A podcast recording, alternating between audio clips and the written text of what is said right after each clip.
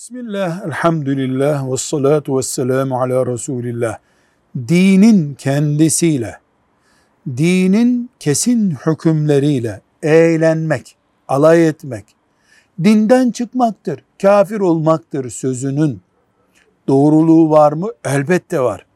Böyle bir olaya razı olan, çapına göre bir tepki göstermeyen, o ortamı terk etmeyen veya tehdit, ölümcül bir tehdit altında değilse o olaya evet diyen elbette dinden çıkar. Çünkü böyle bir olay Allah'ı, peygamberi, Kur'an'ı, din olarak İslam'ı bünyede zayıflatır.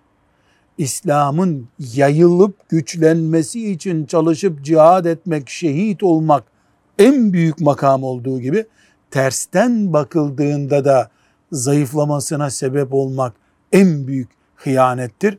Bunun dünyadaki adı dinden çıkmaktır. Ahirette de ebedi cehennemde kalmaktır. Velhamdülillahi Rabbil Alemin.